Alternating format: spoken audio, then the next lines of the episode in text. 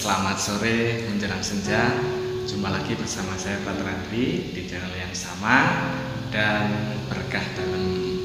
Hari ini kita akan mengulas tema yang menarik kembali. Temanya berjudul perjuangan dalam merengkuh pendidikan. Ya. Nah, hari ini kita sudah kedatangan teman PMK kita dari Paroki Kreapia, teman yang sungguh bersemangat menekuni bidang pendidikan. Langsung saja kita terlebih dahulu kenalan. Halo Mbak Elsa, selamat sore. Sore, Frater. Ya, gimana kabarnya nih? Baik, baik. Sehat dong? Iya, sehat. Puji Tuhan. Eh, rutinitas harian apa ini yang dijalani ini? Sekarang karena lagi libur semester sih, Frater. Jadi cuma nonton series, nonton TV, main game gitu aja. Karena lagi libur semester. Nonton drama Korea juga ya? Pasti. Oh, itu belum nyoba. Belum nyoba. Sekali nyoba pasti kecanduan. Itu, makanya nggak berani nyoba. Baik, eh, saya panggil Mbak Elsa aja ya Iya, supaya Pak. lebih mudah, lebih enak untuk di apa ya saling menyapa. Nah, Mbak Elsa hari ini kita akan berbincang-bincang, ngobrol santai, sharing terkait bagaimana sih eh, Mbak Elsa sebagai OMK sekaligus juga sebagai mahasiswa ya sekarang, mahasiswi ya, mahasiswi. Betul, nah, untuk sebelumnya sekarang Mbak Elsa itu sudah sedang kuliah di mana? Kuliah sekarang ambil manajemen S1 di Universitas Diponegoro Semarang. Baik, berarti sekarang sedang libur kuliah, kemudian besok bulan apa lagi mau masuk ini? Mungkin sekitar akhir Agustus mulai masuk semester baru. Tapi mungkin situasinya agak berbeda dengan semester sebelumnya. ya? Iya, bener banget. Apa sih yang membedakan sebelum dan selama pandemi ini? Sekarang itu jelas semua berubah jadi online, semua jadi daring. Pertemuan sama teman-teman juga berkurang banget. Terus habis itu interaksi sama dosen-dosen juga nggak bisa secara langsung gitu.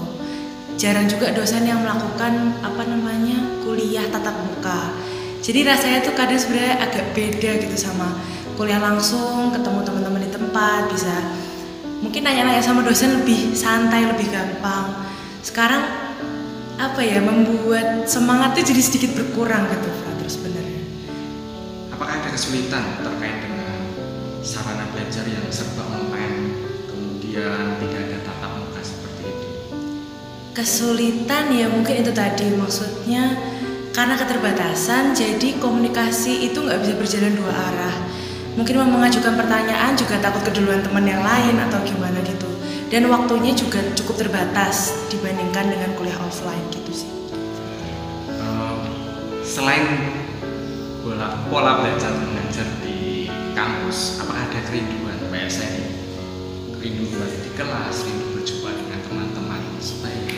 Kalau rindu itu pasti sih karena biasanya ya namanya juga anak kuliah pulang kelas paling ke mana sih makan bareng kumpul bareng itu yang nggak bisa dilakuin sekarang. Meskipun teman-teman mungkin banyak juga yang tinggalnya sebenarnya di Semarang tapi kan kondisi sekarang itu nggak bisa membuat kita ketemu kumpul-kumpul gitu kan agak susah gitu sih Frater. Jadi kalau kangennya sih kangen banget ketemu teman-teman. Baik, kalau boleh tahu lagi atau mau bertanya, kenapa sih memilih manajemen? Manajemen. Sebenarnya pilihan pertama itu jatuh ke ilmu komunikasi.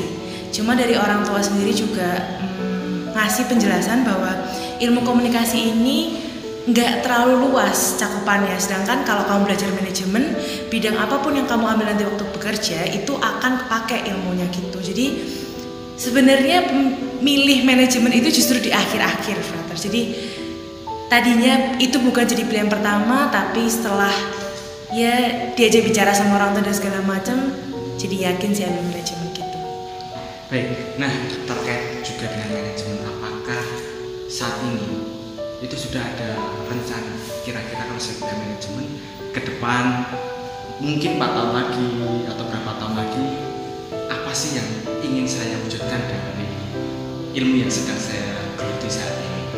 sebenarnya karena ini masih saya itu masih tahap pertama maksudnya tahun pertama masuk Ya. kuliah ya jadi apa yang saya pelajari itu masih sangat mendasar, masih sama kayak jurusan-jurusan uh, ekonomi lain kayak akuntansi, ilmu ekonomi studi pembangunan. Jadi saya merasa ilmu yang saya dapat sekarang masih terlalu luas gitu.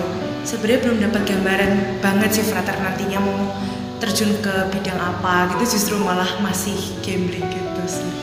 Baik, nah menarik tadi memilih prodi manajemen ya. Iya. Itu kan di akhir-akhir Betul.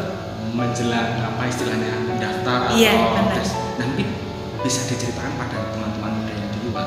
Mungkin ketika lulus SMA itu kan bingung ya. Benar, benar. Motivasi atau saran apa yang bisa Mbak Elsa sampaikan pada teman-teman terkait untuk milih prodi? Kalau untuk pilih prodi mungkin agak lebih susah kalau kita menuju apa sih yang kita mau. Paling enggak yang bisa kita lakuin adalah menyingkirkan apa yang kita nggak mau. Itu pilihan yang paling bisa dicoba sih. Misalnya eh, kira-kira lihat nih ada prodi hukum. Terus kayak kira-kira belajarnya apa aja sih? Kira-kira suka nggak kalau belajar itu selama empat tahun? Kira-kira ilmu itu bakal kepake nggak setelah nanti lulus? Nah itu yang penting sih. Maksudnya kita bisa ngerti prodi-prodi itu tuh belajarnya apa aja dan segala macem. Terus kalau mungkin nggak cocok, itu yang dieliminasi satu-satu gitu, frater. Jadi nanti di akhir yang ketemu itu, yang jadi final, yang jadi pilihan final itu setidaknya yang kita sukai dan misal pun merasa terpaksa memilih itu selama menjalani pun nggak jadi beban gitu. Baik, nah saran yang bagus, share yang bagus buat teman-teman yang di rumah yang mungkin tahun depan mau masuk kuliah Iya, harus benar-benar matang mantap dalam memilih. Betul. Jangan sampai hanya berpikiran pragmatis. Betul. Ya, prodi ini nanti bisa bekerja ini, tapi tidak melihat secara keseluruhan. Betul. Oke, Mbak Elsa saya mau bertanya lagi. Flashback mencapai undip, ya kalian undip. Itu Mbak Elsa bagaimana sih perjuangan belajarnya supaya teman-teman yang di rumah itu memiliki semangat motivasi. Oh saya ingin dah kelak mau daftar di universitas ternama. Maka mungkin SMA, SMP, SD, gimana sih perjuangan belajar? Nah, itu sebenarnya menarik juga sih Frater karena saya itu waktu SMA sebenarnya jurusan IPA. Cuma ternyata kan setelah kelas 12 terus habis itu ngerti juga gimana belajar fisika, kimia, ternyata tidak mau melanjutkan gitu Frater. Jadi Iya. ternyata akhirnya banting setir belajar IPS dan itu sebenarnya tantangan sih karena eh, di saat teman-teman mungkin dari jurusan IPS yang lain pengen masuk ke jurusan sosum di eh, universitas negeri gitu menjadi lebih mudah untuk mereka karena mereka sudah mempelajari itu selama tiga tahun sedangkan saya harus eh, memadatkan cara belajar saya dalam satu tahun aja gitu. Sebenarnya cara yang paling efektif waktu itu buat saya cari teman-teman dengan semangat belajar yang sama atau bahkan lebih. Karena dengan kita ada di lingkungan yang apa ya istilahnya menarik kita untuk belajar itu itu yang paling penting sih. Maksudnya orang-orang sekitar itu yang paling bermanfaat yang paling apa ya mempengaruhi kita jadi kalau teman-teman lingkungan sekitar kita tuh juga semangat belajarnya tinggi, mungkin mau diajak belajar bareng dan segala macam itu pasti membentuk kita juga jadi lebih semangat belajar gitu sih. Oke baik, Eh, menarik terkait juga dengan lingkungan juga teman-teman. Ada nggak dulu sewaktu SMA di bangku sekolah menengah itu teman-teman yang banyak yang melakukan perbuatan pendidikan misalnya mencontek, misalnya copy paste ataupun yang lainnya seperti itu. Kalau itu jelas banyak ya, Frata. Oh iya, banyak. Iya, kalau masalah mencari dan segala macam itu menurut saya itu bukan urusan saya. Mhm. Apalagi kalau masih hubungannya dengan ulangan dan segala macam. Maksudnya eh, nggak apa-apa mungkin nilai mereka lebih tinggi dari segala macam dari saya. Cuma waktu itu yang saya rasain gimana ya agak nggak adil banget ya itu karena waktu itu saya ikut yang namanya UTBK. UTBK itu ujian tulis berbasis komputer itu adalah persyaratan untuk mendaftar SBMPTN. Nah, di situ banyak terjadi kecurangan sih Frater. Maksudnya karena e, bersifat online terus lewat komputer semuanya, itu ada beberapa data-data soal yang klik. Jadi di e, kayak Instagram, di Twitter itu tuh banyak banget orang-orang yang nge-share ini ujian hari ini soalnya ini. Jawabannya ini semua ikut bahas bareng di satu sisi mungkin iya itu bisa dianggap belajar cuma kalau ternyata memang soal yang keluar sama dan segala macam itu menjadi nggak adil buat teman-teman yang benar-benar mempersiapkan tanpa melihat sosial media tanpa mengetahui ada itu kan itu kesannya jadi kurang adil gitu aja sih Brother. Nah mungkin teman-teman yang di rumah itu bisa belajar melihat situasi di sekitar lingkungannya.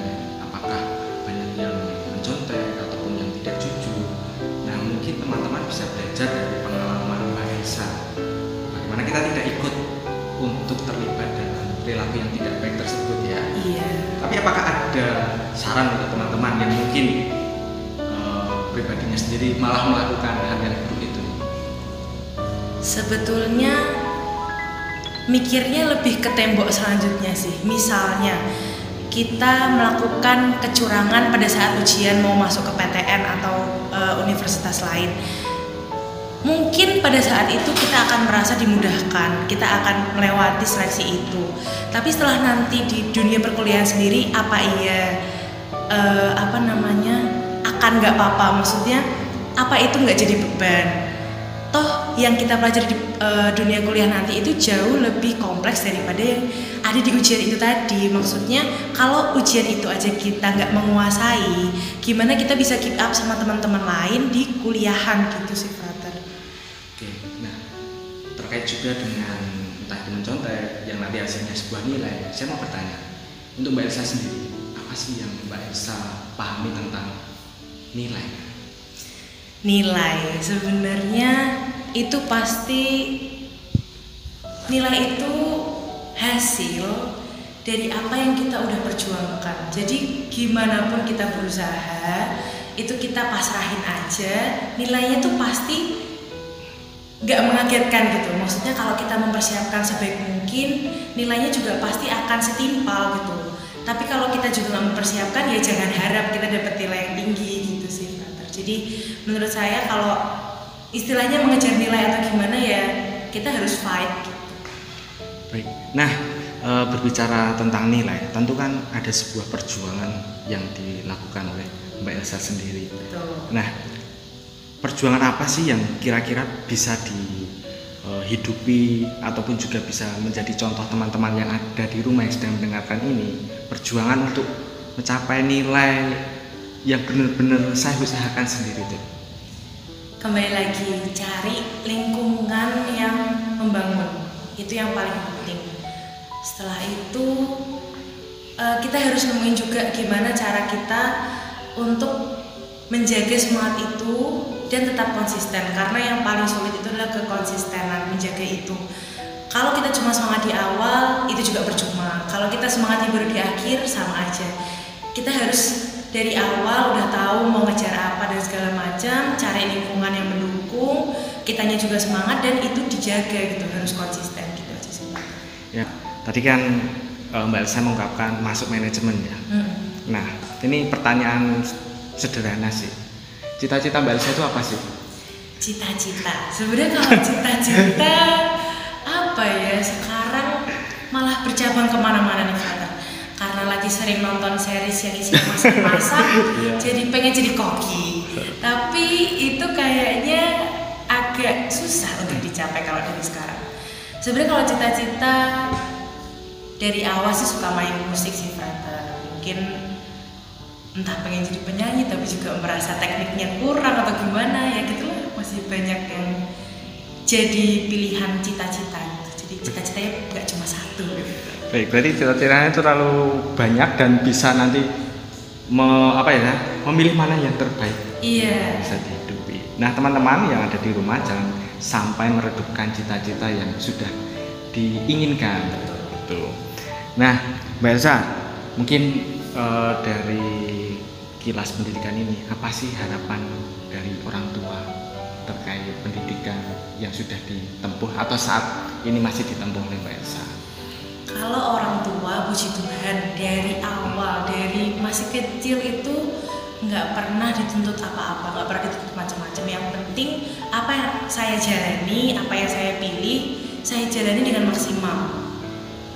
Orang tua nggak pernah minta kamu harus nilainya segini kamu harus nilainya sekian dan segala macam puji Tuhan nggak pernah tapi justru saya nggak tahu gimana caranya justru itu yang menarik saya untuk um, apa ya mengerahkan semua yang saya punya sehingga mungkin malah tercapai hal, -hal tersebut gitu sih brother baik berarti dari lingkup keluarga itu lebih cenderung membebaskan tetapi yeah. juga tetap mendukung ya betul, seperti itu betul. ya nah mungkin teman-teman yang ada di rumah itu nggak usah khawatir jika tidak mendapatkan dukungan dari orang tua mungkin saja. Yeah. Tetapi sangat disyukuri mungkin seperti hanya Mbak Elsa yang dari keluarganya mensupport dan juga istilahnya memberikan semangat.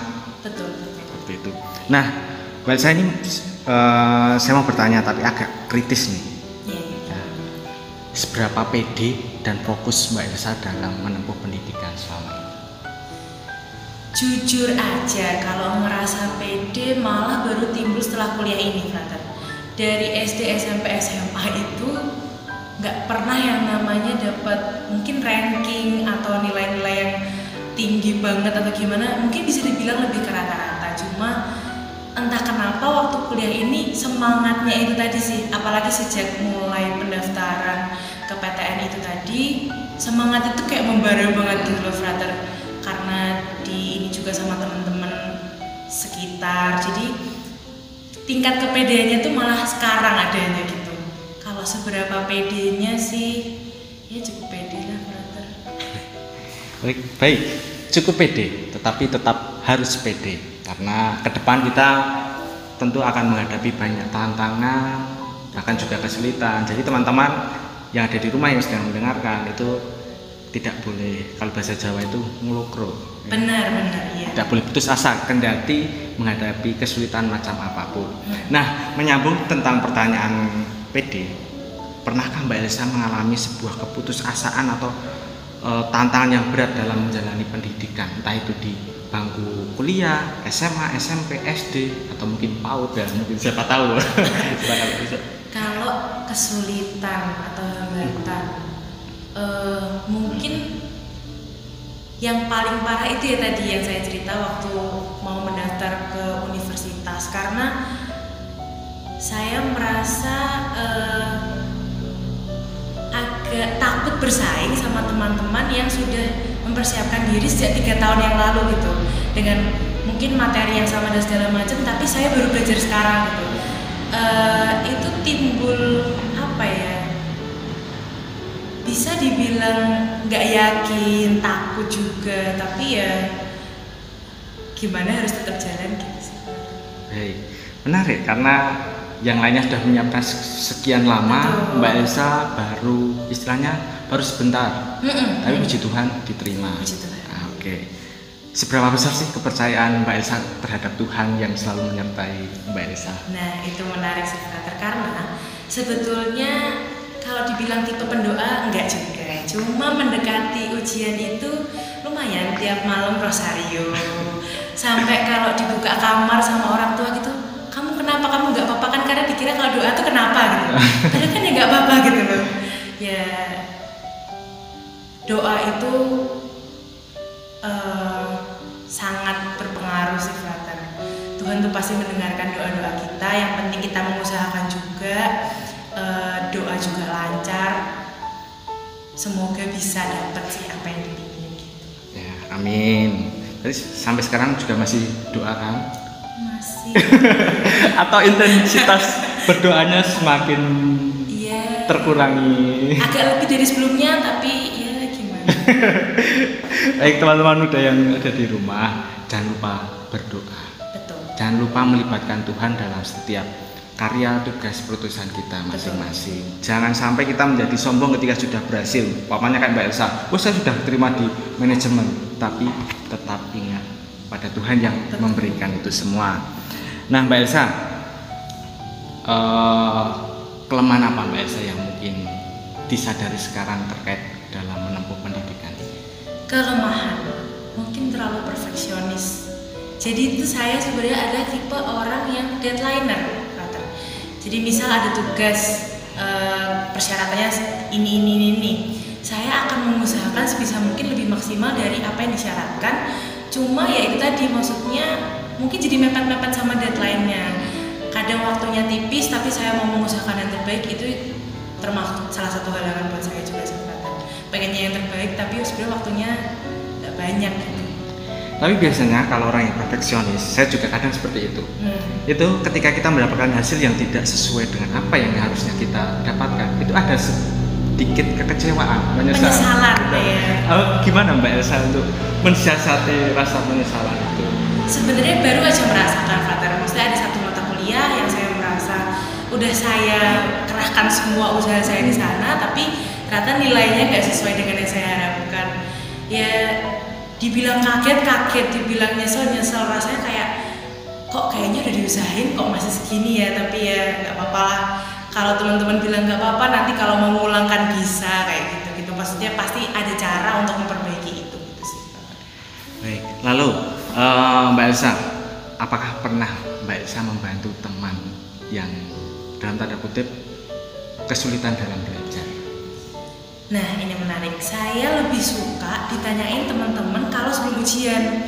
Soalnya saya mengalami, apalagi ini sekarang ujian serba online dan segala macam Sering banget misal dikasih soal jam 1 Terus deadline-nya dikumpulin jam 6 Itu di e, rentang waktu itu teman-teman yang biasanya nggak pernah kontak, yang nggak pernah nyapa atau gimana Tiba-tiba tanya bagi jawabanmu dong, itu yang sulit banget sih lebih baik sebelum ujian mungkin mau tanya materi apa yang belum paham aku pasti bisa bantu gitu. Aku pasti uh, saya juga menjelaskan gitu ke teman-teman. Ya itu sih brother yang kadang gemes gitu. Oke okay. uh, terkait juga dengan apa ya belajar. Nah, mungkin mbak Elsa bisa berbagi kepada teman-teman yang di rumah. Kalau sekarang masih awal-awal kuliah ya bagaimana sih proses belajar seorang mahasiswa kemudian yang SMA bagaimana sih proses belajar bisa menjadi baik saat di bangku SMA cukup dua bidangnya aja SMA dan kuliah. SMA dan kuliah cara belajar. Sebenarnya itu yang pertama juga perlu mengenali diri sendiri itu lebih nyaman gimana sih cara belajarnya. Kalau kayak saya mau masuk ke kuliah waktu SMA belajarnya karena nggak bisa belajar sendiri saya itu tipe yang uh, harus ada yang menjelaskan ke saya. Saya ikut bimbel waktu itu juga. Terus itu tadi mungkin uh, apa namanya cari teman-teman yang jadi tuh gini frater saya punya istilahnya bisa dibilang geng mungkin ya. Kita tuh berempat uh, kita tiga dari IPA satu dari IPS kami ini karena sama-sama pengen masuk sosum kalau waktu bimbel itu sering ketemu. Jadi mungkin setelah bimbel pun kami kumpul habis itu kami belajar kami ada target hari ini ngerjain berapa soal gitu nanti dibahas bareng-bareng dan segala macam. Uh, jujur menurut saya itu yang paling pas buat saya. Maksudnya teman-teman yang membangun itu tadi bikin saya jadi semangat terus. Setiap hari itu selalu ada apa ya selalu ada semangat karena mereka nih saya rasa lebih jauh lebih pintar daripada saya. Jadi saya merasa takut tersaing dan segala macam justru itu yang membuat saya lebih semangat gitu sih. Sebenarnya antara SMA dan kuliah hampir sama maksudnya yang buat saya semangat untuk belajar dan segala macam itu karena teman-teman di sekitar juga punya semangat yang sama gitu sih. Baik nah ini Tata mau bertanya tapi agak agak menyentuh ya. Hmm. apakah ada ketakutan dari Mbak Elsa terkait pendidikan yang sudah sekian lama dibangun ini? Ya kembali lagi, uh, mungkin ada hubungannya dengan cita-cita juga. Maksudnya karena cita-cita yang masih banyak dan segala macam, saya takut apa yang saya pelajari selama ini nanti saya akan lupa gitu aja dan jadi nggak kepake gitu. Padahal mungkin orang tua sudah mengusahakan sekuat mereka dan segala macam. Kalau untuk sekarang karena saya juga belum yakin saya mau mengejar apa nantinya, uh, karena dari orang tua juga membebaskan tapi juga mendukung. Justru pendidikan ini adalah salah satu cara saya untuk mempertanggungjawabkan apa ya semuanya ke orang tua. Jadi saya mengusahakan mendapatkan nilai terbaik mungkin. Ya itu buat orang tua saya gitu sih Nah baik ini mungkin menjadi pertanyaan yang terakhir Mbak Elsa. Oke. Kebahagiaan apa yang Mbak Elsa sudah dapatkan sekaligus ingin diperjuangkan terkhusus dalam studi ini? Kebahagiaan ya itu tadi. Uh, mungkin banyak orang yang bilang IP itu IP bagus tuh nggak terlalu penting. Mungkin yang lebih penting adalah soft skill dan segala macam. Justru menurut saya kalau dua-duanya bisa berjalan dengan seimbang itu adalah yang baik untuk ke depannya.